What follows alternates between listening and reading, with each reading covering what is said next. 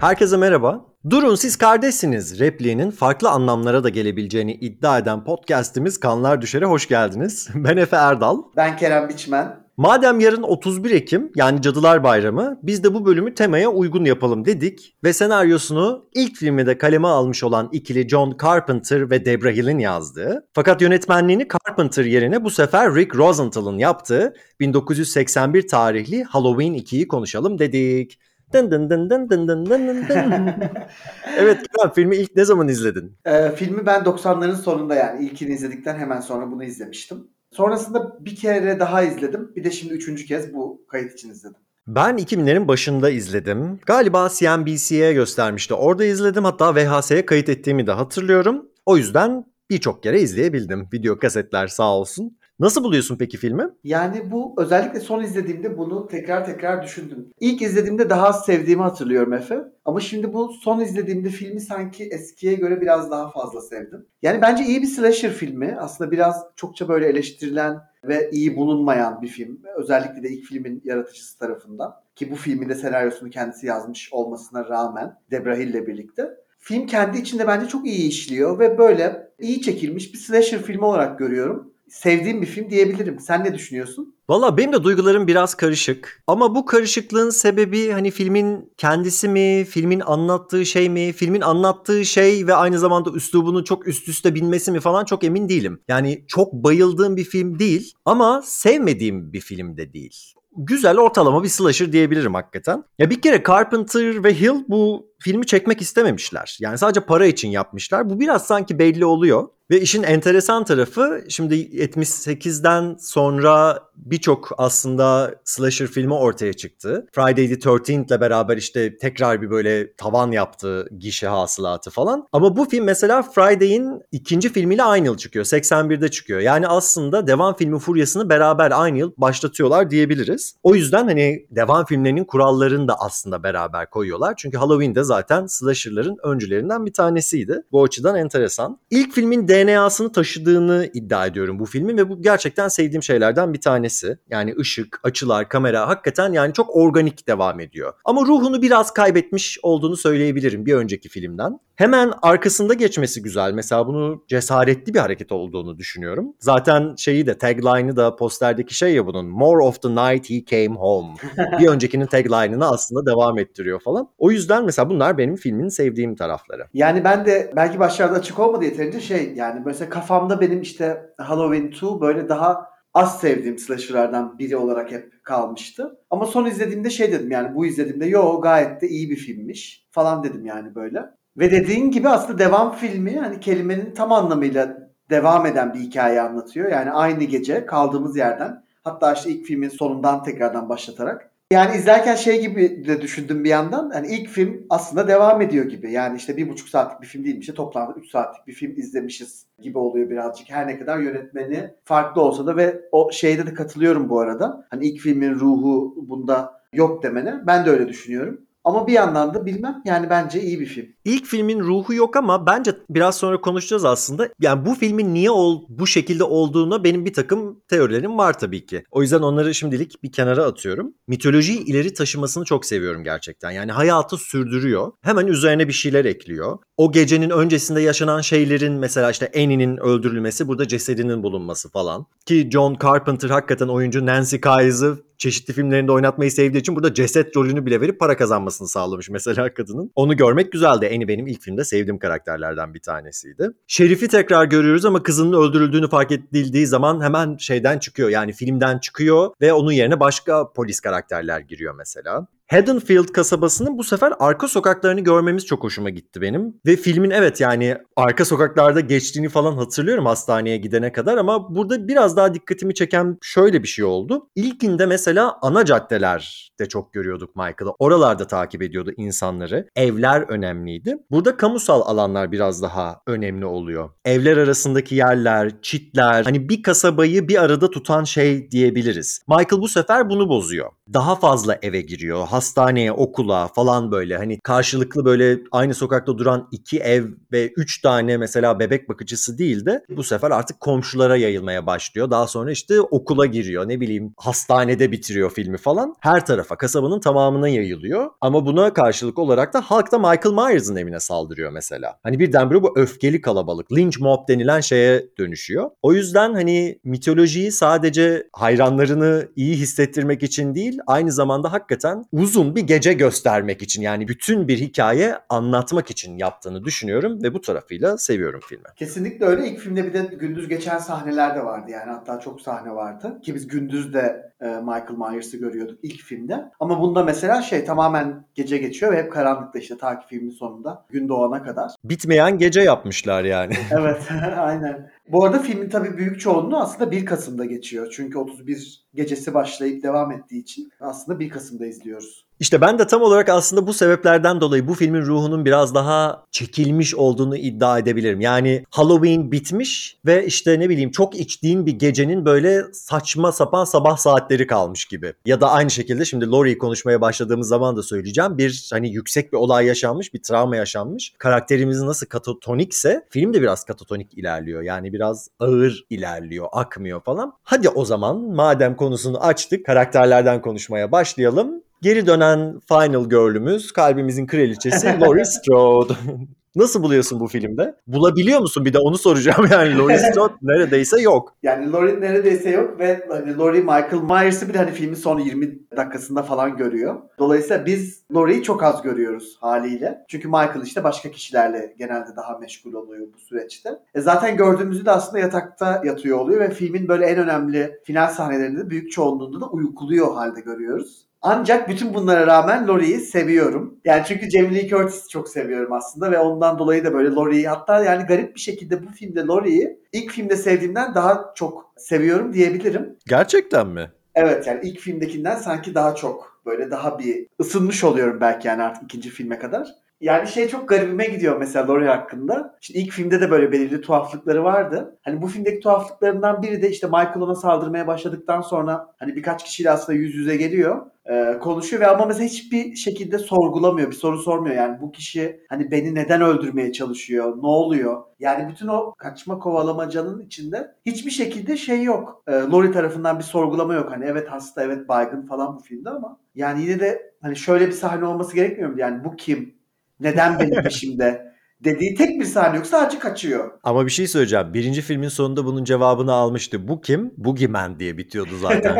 E, bu saatten sonra Boogeyman niye beni kovalıyor diye sormazsın. Düşmüş bir kere peşine. Biraz hakikaten o etki var diye düşünüyorum yani bu filmde. Ya bu filmde ben Laurie'ye biraz kendimi uzak hissediyorum. Mesela ilk filmde hakikaten olayı taşıyan ana karakter oydu. Filmin başından beri onu takip ediyorduk. Ve sonunda da payoff'unu güzel alıyorduk. Bu filmde dediğim gibi katatonik ve daha çaresiz işte sürekli bir ilaç etkisi altında. Ve işte öncekine göre biraz daha zayıf. Yani fiziksel olarak da daha zayıf zaten. Hani büyük bir şey yaşamış. İlk film nasıl Laurie için bir kabusa dönüşüyorsa bu artık kabustan uyanmış ama hala uyanamamış gibi. Ama kabus kadar da etkili de değil falan. Böyle tuhaf bir yerde duruyor. Ki Jamie Lee Curtis bu filmin çekildiği yıla gelene kadar yani bir yıl öncesinde hem Terror Train ve Prom Night diye iki tane slasher'da oynuyor hem de yine John Carpenter'ın yönettiği The Fog filminde oynayarak Scream Queen'liğini tasdik etmiş oluyor aslında. Ve bu filmi hakikaten hayranlara ve türe ve işte slasher'lara veda etmek için kullandığını da söyleyebiliriz. E, o yüzden güzel yapıyor. İyi ki de oynamış. Bir de tabii bu yıllarda saçlarını kestirmeye başladığı için bu saydığım filmlerde de gözüküyor. Bu filmde bir peruk takmışlar mesela. Vallahi ben bir önceki filmde Laurie'nin saçlarının ortadan ayrıldığını hatırlamıyorum.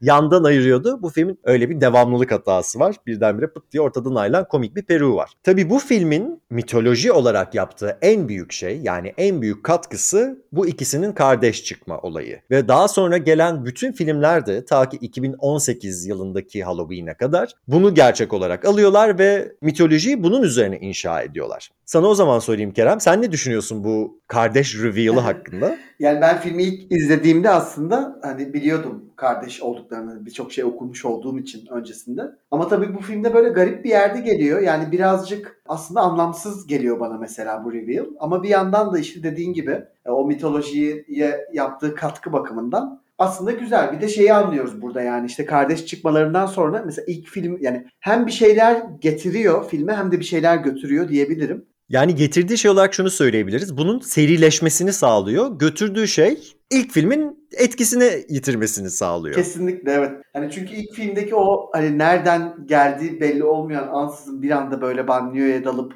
işte gençleri öldürmeye yani yok yere öldürmeye başlayan katil kardeşinin peşine düşen arabesk bir katilden tabii daha şey yani e, daha etkili.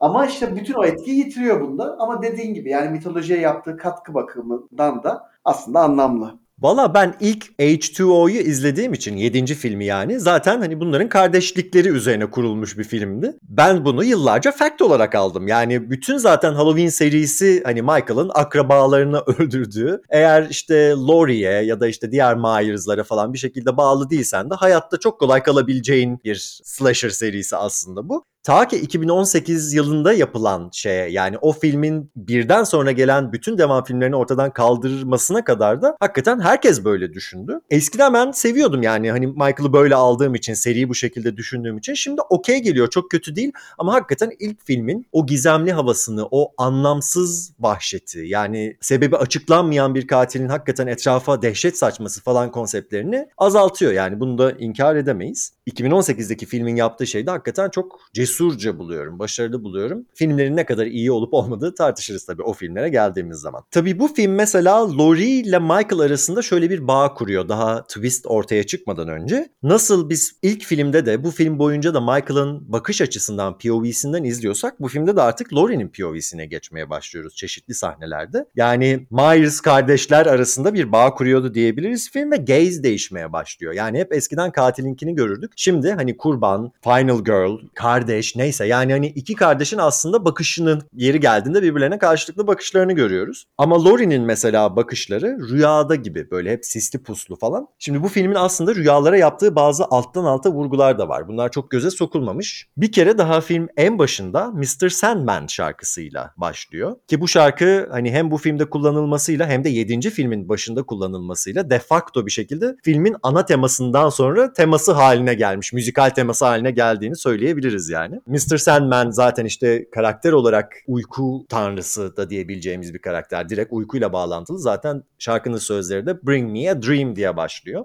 bu halin yani Laurie'nin rüyadaymış gibi olduğu halin travma sonrası ruh halini de yansıttığını gösterdiğini düşündüğüm için aslında başarılı buluyorum. Ve hani filmin bütününe tesir etmiş olan bu rüya mı gerçeklik mi böyle bir tutkusuzluk bir duygusuzluk halinde buna işlediği için çok sorunlu bulmuyorum açıkçası. Ve biz gerçekten bu filmin içerisinde Laurie'nin rüyalarını da görüyoruz. Her iki rüya da bu arada herhangi bir eski filmden bekleyeceğimiz rüya sahnesinde olacağı gibi işte sisler içerisinde çekilmiş buğulu muğulu falan. Beyazlar içinde falan. Aynen öyle. Yani bu gerçek değil. Bu rüya ya da ama gerçek ve anı mı falan işte bunlar çok muğlak. Bir tanesi Michael Myers'ı hakikaten işte hastanedeyken ziyaret etmesi ki hani Laurie gerçekten bu anısını bastırdıysa helal olsun. Bir tanesi de annesinin işte şey demesi sen evlatlıksın sen bizim kızımız değilsin ve bu sahne başlı başına zaten bir kere what the fuck. Yani iyi ki rüya ve umarım gerçek değildir. Hani kim bir böyle bir şey söyler evlat edindiği kişiye. iki Laurie bunu nasıl unutur? Çünkü o kadar küçük bir yaşta değil aslında kocaman çocuk olarak görüyoruz onu. Ama bu sahnenin de şöyle bir önemi olduğunu düşünüyorum rüya sahnesinin. Çarşafların yanında söylüyor annesi buna. Çarşaflar bizim ilk filmde çok görmeye alıştığımız bir objeydi. Bir kere zaten Michael Myers bir çarşafı kafasına geçerek Linda'yı kandırıyordu, bir kurbanını kandırıyordu. Ama aynı zamanda Laurie'nin çarşaflar arasında Michael'ı gördü mü görmedi mi bir sahnesi de vardı. Yani bilinç dışı ona oyunlar mı oynuyor diye düşündüğü yerde hakikaten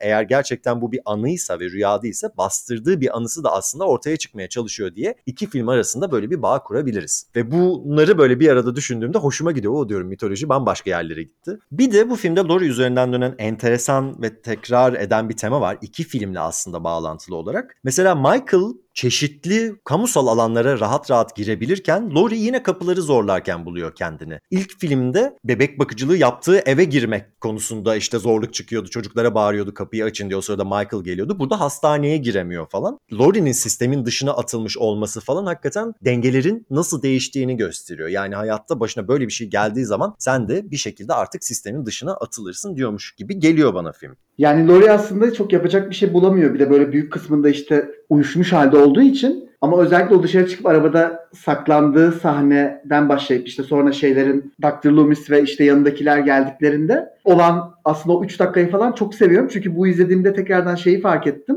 Aslında ilk bölümde söylemiştik bunu konuşurken, Scream'i konuşurken. Orada mesela işte arabadan inip sesini duyuramadığı sahne Casey'nin Scream'de ailesinin eve gelip Casey'nin sesini duyuramadığı sahneyle birebir neredeyse aynı. Hemen ardından da orada bitmiyor. Koşup kapıyı açmaları için hastanenin kapısını içeridekilere bağırdığı sahne de I Know What We Did Last Summer'da işte Helen karakterinin kendi mağazalarının kapısına gidip kardeşine açın açın kapıyı açın diye bağırdığı sahneyle aynı. O yüzden çok güzel yani hani Halloween 2'dan hep böyle çok şey olarak muhteşem bir film gibi bahsedilmiyor. Ama 90'ların en iyi iki slasher diyebileceğimiz işte Scream I Know What Did Last Summer aslında filme böyle güzel bir gönderme yapmış. Evet bu troplar yani oralarda bu filmlerde kurulup daha sonrasında bu 90'lardaki filmlerde varlıklarını sürdürmeye devam ettiler ve hani hep diyoruz ya sadece taklit etmediler o filmlerde bunları geçmişten gelenleri üzerlerine bir şey koydular kendi dillerini oluşturdular. O kısmıyla güzel o kısmıyla başarılılar zaten. Sırf bunun için bile bu filmler hani bunun temelini oluşturdukları için bile saygıyı ve ilgiyi hak ediyorlar bence. Kesinlikle. Bu arada Jamie Lee Curtis o sahneden nefret ediyor. Yani karakter nasıl sesini duyuramaz duyuramaz tam içeri girerler bağırabilir falan diye böyle dalga geçiyor sahneyle. Ama şey yani ben mantığını sorgulamıyorum. Sahneyi güzel işlediğini düşünüyorum hakikaten.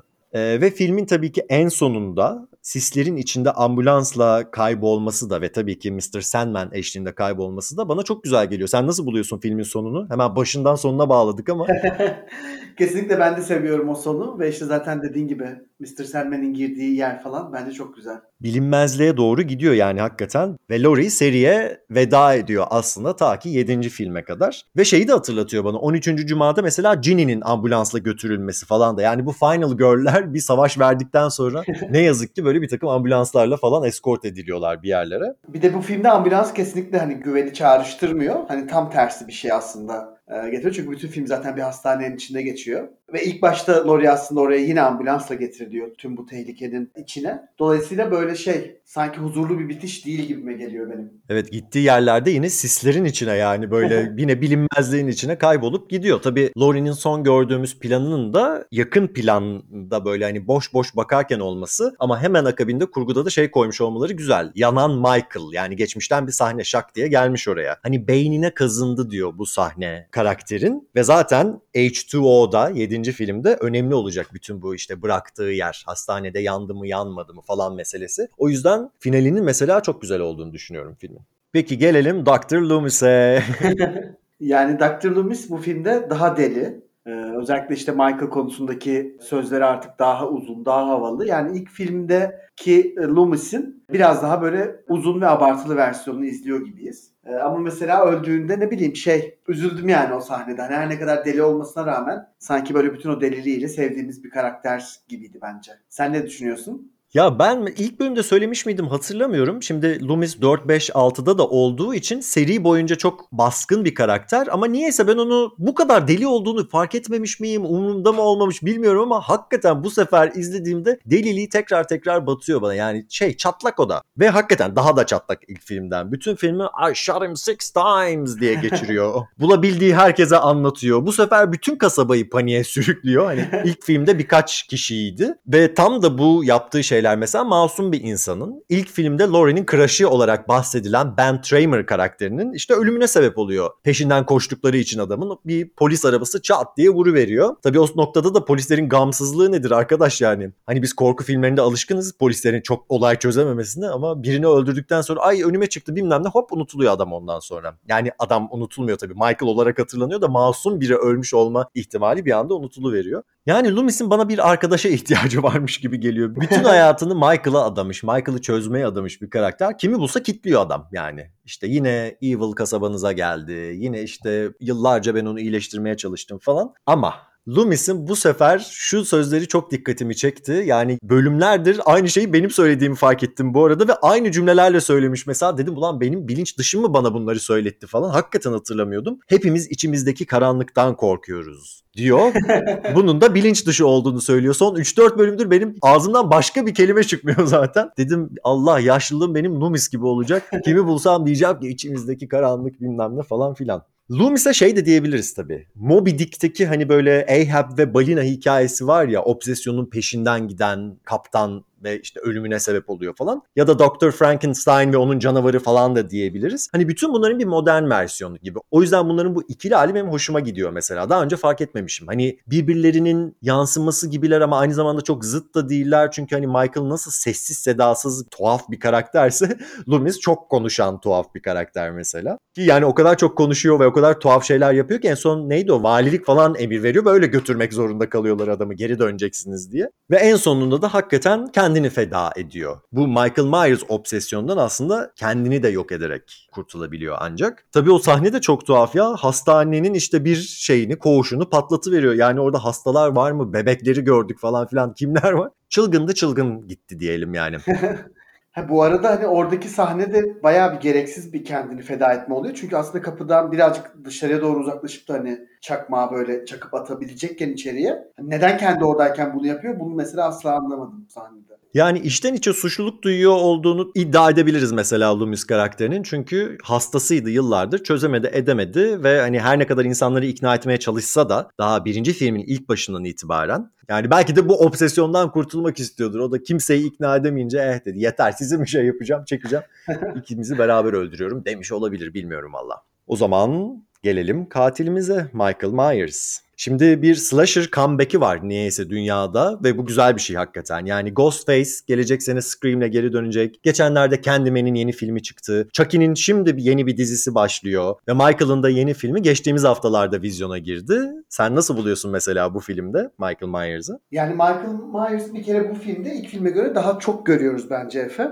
Bir yandan bu onu çok yani daha fazla ekranda daha fazla görüyor olmak ilk filmin ruhundan bir şeyler götürüyor. Çünkü ilk filmdeki Michael Myers'a dair duyduğumuz korku aslında onu her zaman görmememize rağmen hep oralarda bir yerde, hep yakınlarda olduğunu bilmemizdi. Bu filmde gayet daha böyle uzun planlarla işte boydan yani yürürken falan sürekli görüyoruz Michael'ı. Bence ekran süresi çok fazla iki filme göre. Daha kısa boylu bir Michael Myers var karşımızda. Bir 15 santim kadar falan kısa gibi görünüyor. Öyle öyle. Oyuncusu değiştiği için. Her bölümde başka biri oynuyor tabii Michael. Her, başka bir dublör oynuyor hatta. Oyuncu ya oynatmıyorlar. Aynen yani işte öyle olunca o var ama ilk filme göre daha yetenekli bir Michael görüyoruz burada. Yani işte ilk filmde sadece gerçekten evlere girip işte birilerini öldürürken hani bunda ileriye dönük plan yapan, işte kaçmasınlar diye arabaların tekerlerini patlatan, hastanenin telefon hatlarını kesen ve mesela bazen saldırmaması gereken bir anda saldırmayan, bekleyen çok planlı bir Michael görüyoruz. Bir yandan aslında bu film şeyi sinyalliyor. Yani işte yani filmde mesela ilk filme kıyasla Michael dozu daha fazla. Dr. Loomis dozu daha fazla. Şiddet dozu, ölüm dozu daha fazla. Ama bunların hepsi arttırılırken mesela Laurie'yi çok az görüyoruz. Bu da bence aslında filmin yani en azından o dönem için planlanan geleceğiyle ilgili bence çok şey söylüyor. Yani bu seri aslında Michael Myers hakkında bir seri olacak diyor bize bu ikinci filmle birlikte. Ama dediğim gibi yani Michael'ı daha fazla görüyor olmak bence daha korkunç değildi.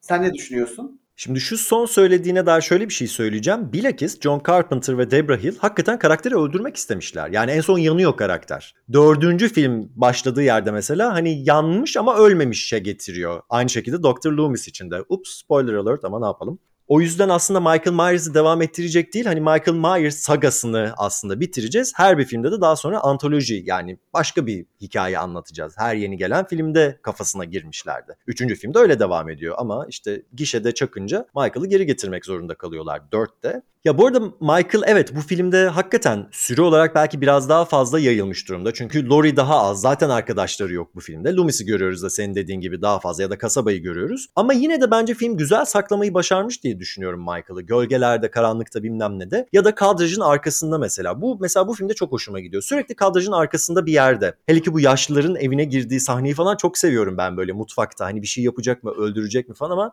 creepy bir şekilde dolaşıyor orada. Yani ilk filmdeki hallerini hatırlatıyor bunlar bana. Tabii şey yapıyor yani ilk filmden biraz daha hızlanıyor diyebiliriz. Mesela işte hastaneye gitmeden önce bir eve giriyor. Mesela yaşlıları öldürmüyor ama genç Alice diye bir kızı öldürüveriyor orada. Önüne çıkanı da öldürüyor diyebiliriz ama yaşlıları da öldürmemişti falan. Yani biraz motivasyonu karışık burada. İlk filmde önce mesela uzun uzun stalkluyordu bunları, takip ediyordu. Ama tabii şöyle şeyler de var açıklanmayan. Okula niye girmiş mesela yani? Tahtaya niye Samhain yazmış mesela? Bu arada Dr. Loomis onu Samhain diye okuyor ama onun okunuşu Samhain'miş. Michael ne anlatmak istiyor burada bize ya da nereden öğrendi bu Samhain denilen şeyi? Yani filmde de açıklandığına göre bu Keltlere dayanan bir hasat bitişi, işte kışın gelişinin kutlandığı bir festival. Halloween'in kökeni olduğunu da söyleyebiliriz. Hani yılın karanlık yarısına geçtiğinin kutlanması falan gibi. Tabii hani Halloween'in daha öncesine dayanan bir şey yazmış olması şu açıdan belki meşrulaştırılabilir. Biz de bu filmde hani herhangi birini öldüren bir Michael değil de kökenine inen yani ailesine inen ve kız kardeşine hani geçmişinde motivasyon arayan bir Michael görüyoruz aslında. Hani buradan bir bağ kurabiliriz belki.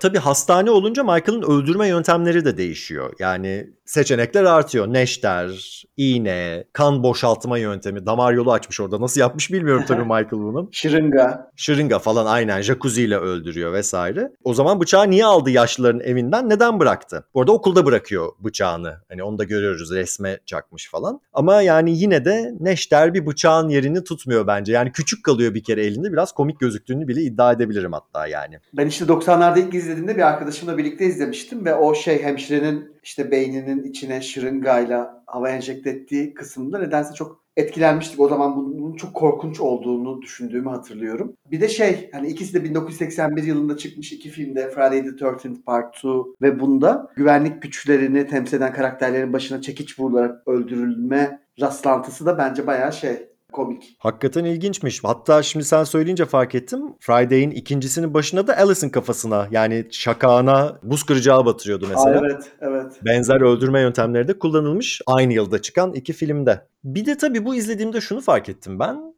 Michael Myers'ı yıllarca ben hakikaten insan katil olarak zannediyordum. Yani supernatural bir varlık değil. Freddy gibi, Chucky gibi, işte Pinhead'ler, Hellraiser'lar falan gibi. Ama birinci filmin sonunda da zaten vurulup ölmeyip ortadan kaybolması nasıl bugeymanliğin işte kasabaya yayılması üzerinden bir şey değilse bu filmde daha fazla hasar almasına rağmen yine ölmüyor ve ben şeyden şüphelenmeye başladım ilk defa. Michael gerçekten bu filmden itibaren acaba insan değil miymiş? Çünkü evet yani ilerleyen filmlere gelindiğinde böyle biraz daha supernatural twistler katmaya çalışıyorlar alttan alta. O da çok göze sokulmuyor aslında ama şimdi bir böyle başka bir gözle izledim. Hani şeyi merak ediyor insan. Vücuduna bir sürü kurşun yedi birinci filmde. Bu filmde de yiyor tekrar kalkıyor. Hani öldü zannediyorlar nefes almıyor diyorlar. Birdenbire tekrar nefes almaya başlıyor. Hani tekrar hayata dönüyor. E Laurie mesela gözlerini ateş ediyor ki ben yıllardır yani ilk izlediğimden beri nasıl beynini patlatmıyor gözlerine giren kurşunlar da sadece kör ediyor anlamış değilim. Ki zaten körlüğü de devam filmlerinde unutulacak yani hani dördüncü beşincide falan. O yüzden şey böyle bir kafamı karıştırmaya başladı. Aa dedim evet yani bu Boogeyman teması belki alttan alta hani film açık bir şey söylemese de ve supernatural bir güç ya da köken atamasa da karaktere devam ediyor. Sen ne düşünüyorsun mesela? İnsan mı sence Michael? Yani insan mı değil mi ondan asla emin olamıyorum ama şey bir yandan çok sıkıcı geliyor Michael'ın yaşamı bana. Yani hani zaten yavaş yürüyor. Hani yaptığı hiçbir şey yok sadece böyle oraya buraya gidip birilerini öldürüyor falan ve şey aslında hani korkunç olmakla birlikte bence sıkıcı bir katil Michael. Yani bütün bu slasher'larda işte katilin ölmeme, ölememe durumunun sanki böyle vücut bulmuş hali gibi. Ama işte burada doğaüstü şeylerden dolayı mı böyle onu hiç bilmiyorum yani. O konuda hiç böyle bir fikrim yok. Ama bütün işte o mesela okuldaki tahtada kelt mitolojisine dair e, şeylerin araya sıkıştırılması falan hani bunların bu filmin mitolojisine eklenmesi kısmını mesela ben çok sevmiyorum. Hani ben hangisini tercih ederdim? Mesela Michael'ın insan olmasını tercih ederdim. Hani böyle bir arka plan ya da böyle bir hikaye dahil olmak gibi değil de normal düz bir insan olmasını tercih ederdim mesela. İşte ben yıllarca düz bir insan zannettim Michael'ı işte kafayı ailesiyle bozmuş falan bir karakter olduğunu düşünüyordum. Şimdi böyle hani yani Boogeyman olması benim hoşuma gidiyor. Bu arada ben Michael'a hayatta sıkıcı bir karakter demem. Hayatta sıkıcı bir katil demem pardon sen öyle söyledin. Yani evet belki Freddy gibi stand-upçı bir katil değil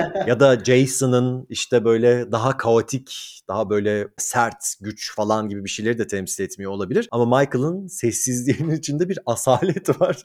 Böyle şeyler söylüyormuşum değil mi? Yani o sessizliğin içerisinde bir derinlik olduğunu düşünüyorum hakikaten. Boogeymanliğin işte o karanlığı yani zihnin karanlığını Dr. Loomis'ten ve kendimden anlatılamak gerekirse hakikaten içimizdeki karanlığı o işte gözlerinin o gözükmeyen kısmında falan çok güzel barındırdığını düşünüyorum. Hani belki hiçbir şeyini görmüyoruz elleri dışında belki içi boş bunun yani kafasının içinde bir şey yok sadece belki maskeden ve şeyden oluşuyor. Üzerine giydiği tulumdan oluşuyor falan. İçini sen ne karanlıkla doldurursan doldur mesela yani buraları benim çok hoşuma gidiyor. O yüzden sıkıcı demezdim.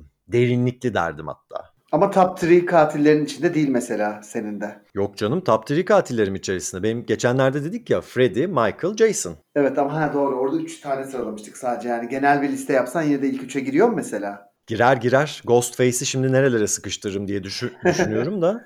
E sen kimi koyacaksın diğerlerine? İkonikler bunlar aslında. Yani ben Ghostface, Freddy, Jason derim. Öyle bir seçenek olsa. Hani dördünün içinden seçecek olsak. Aa, hmm.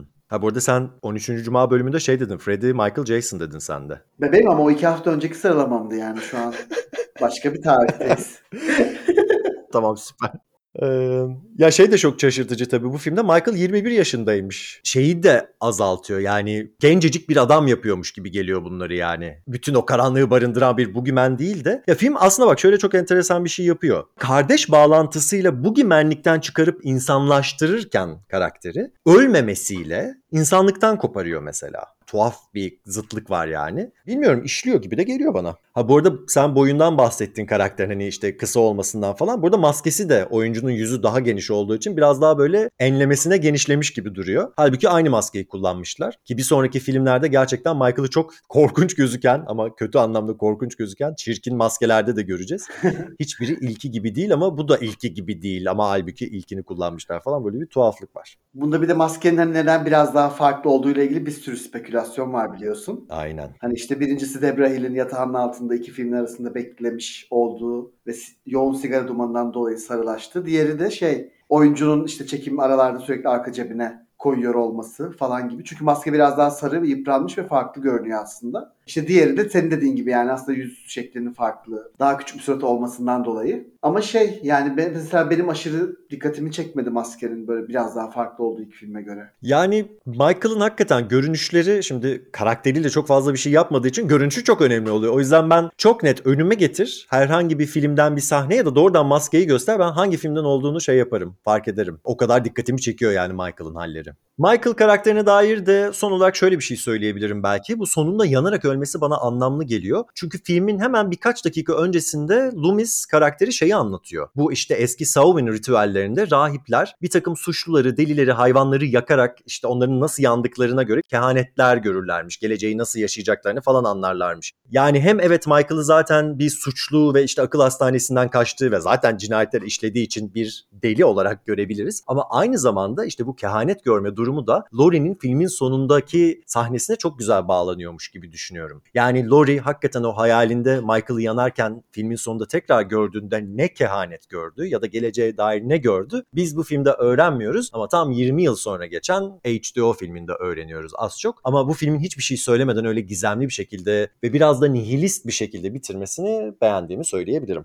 Peki gelelim hastane personeline. Kimler aklında kaldı mesela? İşte kimlerin ölümü falan böyle seni etkiledi burada? Yani hastanedekiler aslında böyle daha çok şey işte farklı farklı şekillerde ölmek için hani oraya konmuş kişiler gibi yani pek bir şey öğrenmiyoruz karakterler hakkında. İşte ilk birkaç böyle masanın etrafında falan konuştukları sahneyi görüyoruz. Jimmy'nin işte Laurie'ye ilgisi olduğunu anlıyoruz. Ama onun dışında şey öyle ne sevdiğim ne de sevmediğim karakterler diyebilirim topyekun hepsi için. Ee, zaten teker teker ölüyorlar. Farklı, yaratıcı ve ilk filme göre daha kanlı biçimlerde. Sen ne düşünüyorsun? Ya ben bu karakterleri mesela doğal buluyorum. Hani nasıl ilk filmdeki liseli gençleri de doğal buluyorduysak bu filmde mesela stereotipe falan gitmemişler. Yani evet bir kısmı biraz daha böyle işte ne bileyim serseri bir hasta bakıcı var. İşte biraz daha böyle despot bir hemşire var. Diğeri işte ne bileyim sekse düşkün orada oynaşıyor ediyor bir şeyler yapıyor ama bunlar hani insan insan geliyor bana. Yani derinliklerini ya da bir karakter gelişimi falan görmesek de doğal geliyorlar ve bu halleri benim hoşuma gidiyor açıkçası. Bir kere Karen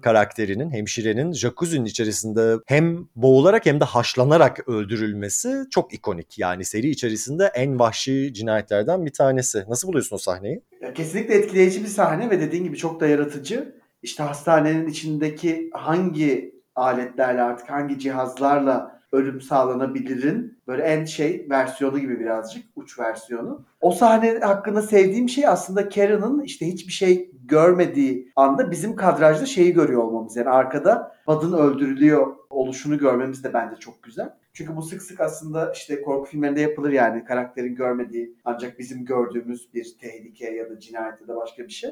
Ee, burada da aslında bu sahne de yine bu yapılıyor ama tehlike değil bizzat cinayet arka tarafta işleniyor. Ee, o yüzden o sahneyi seviyorum gerçekten. Mesela burada yine ilk filmde konuştuğumuz gibi cinsellikle ölümün iç içe geçme teması tekrar ediyor. Ve şey de çok tuhaf geldi izlediğimde bu sefer. Karen'ın Michael Myers'ın parmaklarını öpmesi mesela, elini öpmesi falan neyse artık hani sevgilisi zannedip. ilk filmde de Linda mesela sevgilisi zannediyordu işte örtünün altındakini falan. Bir yandan da şey de diyormuş gibi geliyor bana yani herhangi bir erkek Michael Myers da olabilirmiş gibi bir şey söylüyor aslında bana. Tabii nasıl bu işte sevgi dolu hareketleri sevdiğin ya da bildiğin birine yapıyorsan anlamlı geliyorsa ya da ne hissediyorsak Michael gibi hani katil olduğunu bildiğimiz ve hemen öncesinde zaten yerine geçtiği kişiyi öldürdüğünü bildiğimiz için de çok tuhaf geliyor. Yani orada ciddi bir karanlık varmış gibi hissediyorum. Birdenbire işte o cinsellik ve birbirine şefkat gösterme durumu nu böyle kötülemiş ve böyle kirletmiş falan gibi geliyor bana Michael ama tam olarak yaptığı şey de bu yani. Orada sevişti insanlar ve sonra öldürüldüler zaten. Ve korkunç şekilde öldürüldüler yani. Bu Janet'ın öldürülmesinden sen bahsetmiştin işte şakağına iğne batırılan karakter. Orada doktorun zaten işte cesedinin bulunması hep söylüyoruz. Psycho'dan sandalyenin döndürme sahnesine birebir şey e, gönderme, alıntı neyse artık. Ama o sahnede ilk filmi hatırlatan bir şey daha var. Michael nasıl ilk filmde karanlığın içinden Laurie'nin arkasında beliriyorduysa bu filmde de mesela Janet'ın arkasından beliriyor. Hani karanlık içinden birdenbire beyaz bir yüz çıkıyor, maske çıkıyor ve bayılıyorum yani çok etkileyici buluyorum o şeyi. Ve burada da o görsel motifin tekrar ediyor olması hoşuma gidiyor. Kesinlikle ben de çok seviyorum o Michael'ın Hani sanki karanlığa gözümüz alışmış da artık görebiliyor olmuşuz gibi bir his. Çok güzel o yüzden. Vallahi de güzel. Bir de bu filmde off screen hani kadraj dışında bizim görmediğimiz ölümler çok fazla. İlk filmde bir tane vardı. Böyle Michael'ın kıyafetini çaldığı işte böyle bir kamyonet sürücüsünü falan yolun kenarında görüyorduk biz. Bu filmde hem doktorun hem de bu Mrs. Alves denilen hemşire karakterin bizim gözümüzün önünde olmayan bir şekilde öldürüldüğünü görüyoruz.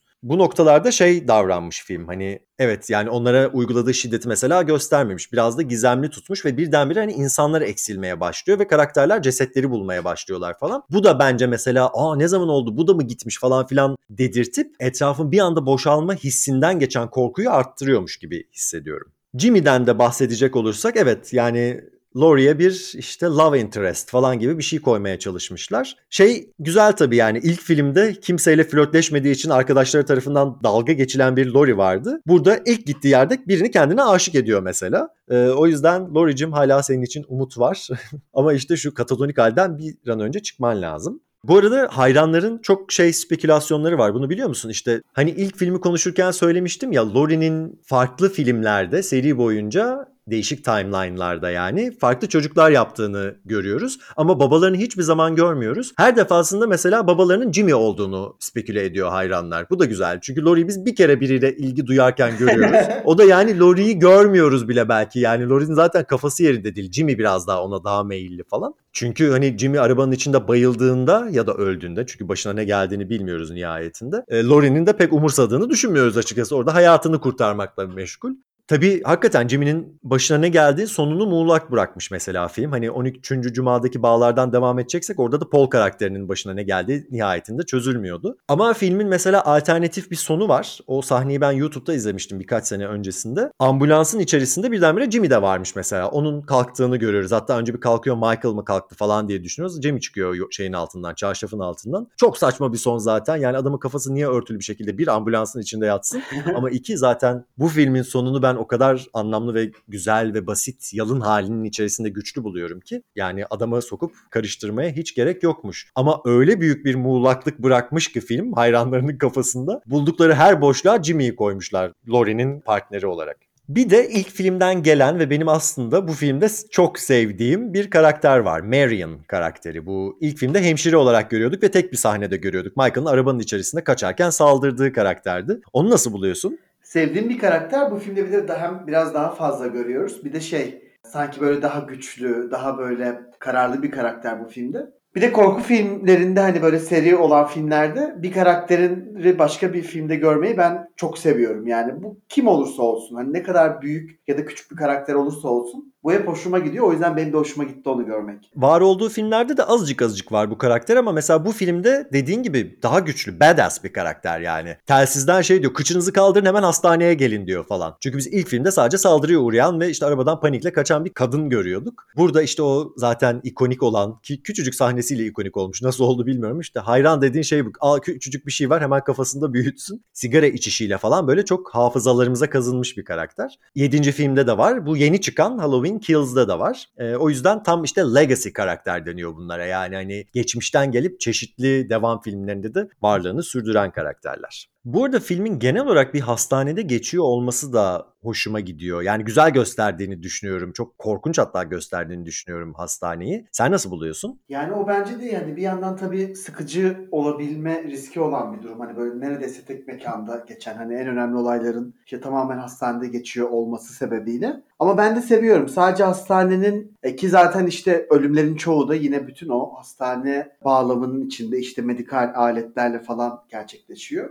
Bütün o klostrofobik his ve işte bir yerden uzak olma, böyle kapana sıkışma hissini de arttırıyor. Çünkü garip bir şekilde aşırı boş bir hastane. Hani evet işte belki Haddonfield küçük bir kasaba falan ama yani bu derece boş olması mesela sana da garip gelmedi mi? Bu derece boş ve bu derece karanlık olması mesela çok şey geldi, tuhaf geldi ama tam olarak da bu bana çok tekinsiz geliyor. Yani normalde hem kalabalık hem de çok kaotik olmasıyla bilinen bir yer hakikaten ölüm sessizliğine bürünmüş durumda. Ama işte bu mesela işte o boş kadrajlar yani hastaneyi koridorlarını uzun uzun öyle görmemiz falan filan filmin bu yarattığı nihilist havayı destekliyor ya da hakikaten bu zaten nihilist diye benim adlandırdığım hava bu kadrajlar yüzünden yani bu mekan kullanımı yüzünden de ortaya çıkıyor diyebiliriz. Yani bu mesela ruhsuz bir slasher mı yoksa hakikaten travma sonrasında gelen anlamsızlığı gösterdiği için konuya çok uygun bir film üslubu mu bilmiyorum. Ya da John Carpenter'ın genel isteksizliği mi mesela yani filmi yazarken ki onu da bilmiyorum. Çünkü gerçekten hiç istememiş, hiç memnun değil. İşte Laurie Strode'un Michael'la beraber kardeş çıkmaları twistinden nefret ediyor. Ve çok meşhur da bir lafı var işte her akşam sürekli bira içerek yazıyordum. O yüzden daha ne çıksaydı benden bu kadarını yaptım falan filan diyor. Evet yani hastane bu şekilde veriliyor ama dediğim gibi kafamda çok güzel bir yere oturuyormuş gibi geliyor. Yani ben seviyorum bu mekanı mesela. Hastane zaten bu arada başlı başına yani çoğu insan için korkunç bir yer. Yani kimse hastaneyi sevmez. En azından çoğu kişi sevmez. Yani kimse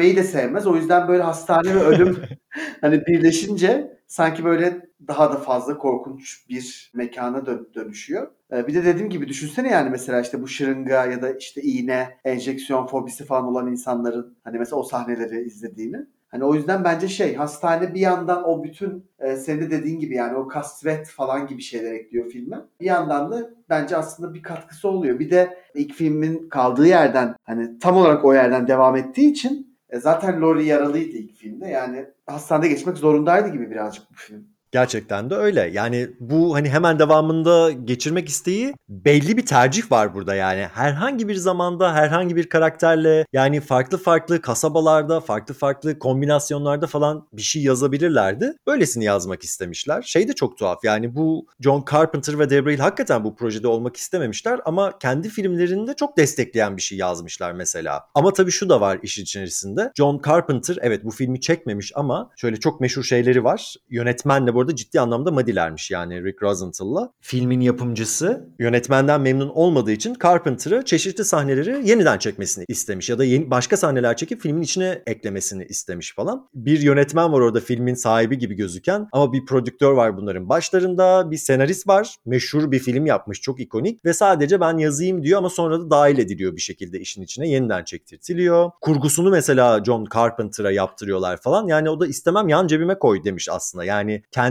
filminden uzak tutmak şöyle dursun aslında çok da kendini kontrol etmeden yani bir şekilde içinde var olmak istemeden de alıkoyamamış gibi geliyor bana. Bütün bu yani hikayeler de bilindiği zaman yani güzel bir prodüksiyon süreci yokmuş buna dahil olan birçok kişi için.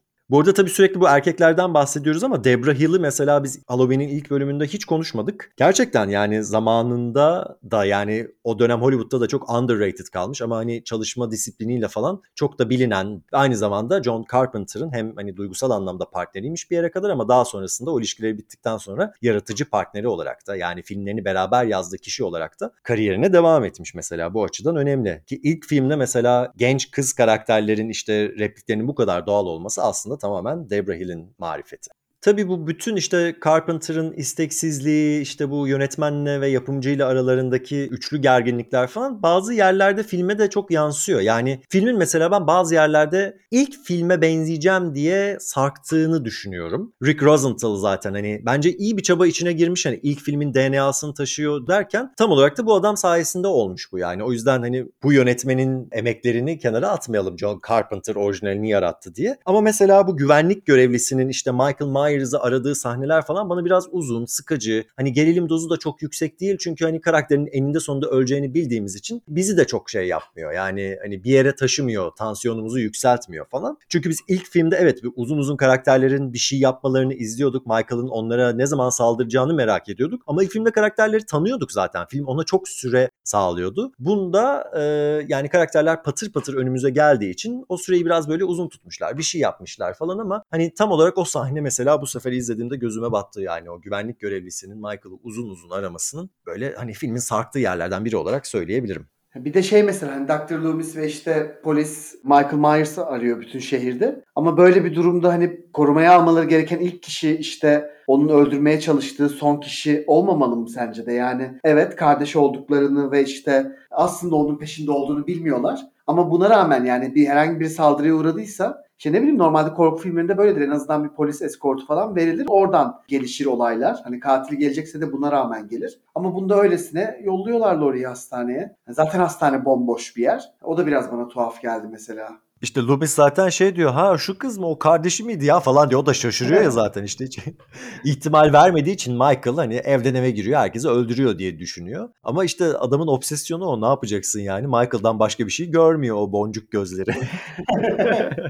Sen şimdi bu yeni çıkan Halloween Kills'ı izlemedin daha değil mi? İzlemedim hayır. Valla ben ilk çıktığı gün izledim. Bayağı da sevdim filmi ya. Hani şey bir öncekine göre 2018'e göre bayağı güzel olmuş. Ve bu filmle de şey var. Bağları var aslında filmin. Şimdi çok spoilersız anlatmaya çalışacağım. Bir tanesi filmin işte hastanede geçen bir tarafı olması. O filmde de mesela Laurie çoğunlukla hastanede. Ve bu hastaneye kıyasla çok bambaşka bir kaos dönüyor orada. Ee, onu izlediğin zaman görürsün zaten. Ama mesela çok enteresan hani geçmişi yok eden yani geri kalan bütün devam filmleri filmlerini silen bir film çeşitli yerlerde göndermeler yapmış işte hastanede geçirterek. Hemen arkasından devam ettirerek bu arada yani yine kaldığı yerden devam ediyor 2018'deki filmde. Ve hakikaten bu işte öfkeli kalabalık falan meselesi orada çok daha baskın bir konu. Yani bunlar hep fragmanda aslında gösterildiği için rahat rahat söylüyorum. Ama şöyle enteresan bir şey yapmış. Bu da çok spoiler sayılmaz. Hani evet birden sonra gelen filmleri yok etmiş ama çok kısa bir flashback sahnesi görüyoruz. Annie'nin hani cesedini başında duran babası ve işte cesedin kendisini tık diye araya koymuş koymuşlar mesela. Hani ikinci film yoktu ortada. Yani bu sahneyi ama alıp şey yapmışlar, koymuşlar falan. Kendilerince böyle değişik bir devamlılık sağlıyorlar. Bir hoşuma gitti açıkçası yani garipsemedim. Ama asıl hani spoilerlı bir yer var aslında. Bu bölüm içerisinde konuştuğumuz bir şey ama hadi gel onu hem sen filmi izlediği zamana saklayalım hem de o filmin kendisini konuştuğumuz zamana saklayalım. Yani sen Halloween serisini benden daha çok seviyorsun gibime geliyor Efe. O doğru ama daha çok evet. da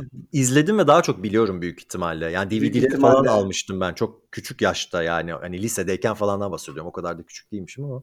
En çok M sokağını biliyorum. Sonra Halloween geliyor. Jason'ları da hakimim diyebilirim hakikaten.